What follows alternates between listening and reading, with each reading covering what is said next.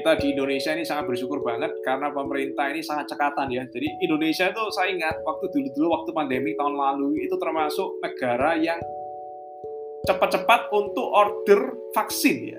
Cepat-cepat untuk order vaksin sebelum negara-negara lain order. Jadi kita bersyukur banget punya pemimpin-pemimpin di pemerintah yang luar biasa yang mau berisiko entah dikritik kiri kanan, depan belakang semua orang mengkritik. Ini penyakitnya aja belum jelas kok vaksinnya mau diorder. Vaksinnya belum ada kok berani order ya. Dikritik ke sana kemari tapi tetap berani. Itu adalah mental entrepreneur teman-teman ya. Berani beresiko ya. Tapi jelas ya resiko yang diperhitungkan ya.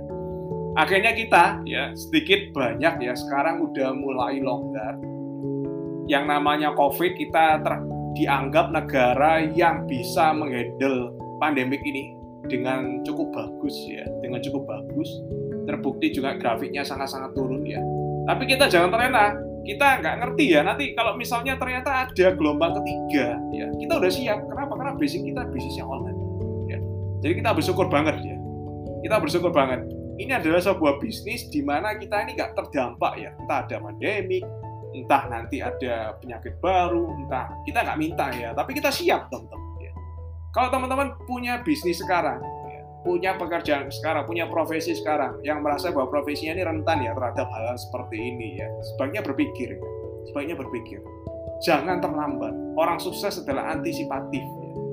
Sebelum problem itu datang, sebelum problem itu ada, kita harus siap dan kita udah bisa ya. Nah, entah bikin teman-teman yang jadi profesional di company, di perusahaan sesuai topik hari ini kan topiknya bisnis online zaman now ya. Topiknya bisnis online zaman now. Bisnis online zaman sekarang ya. Di mana lebih banyak kaum milenial sukanya ngepet online istilahnya ya. Ngepet online ya.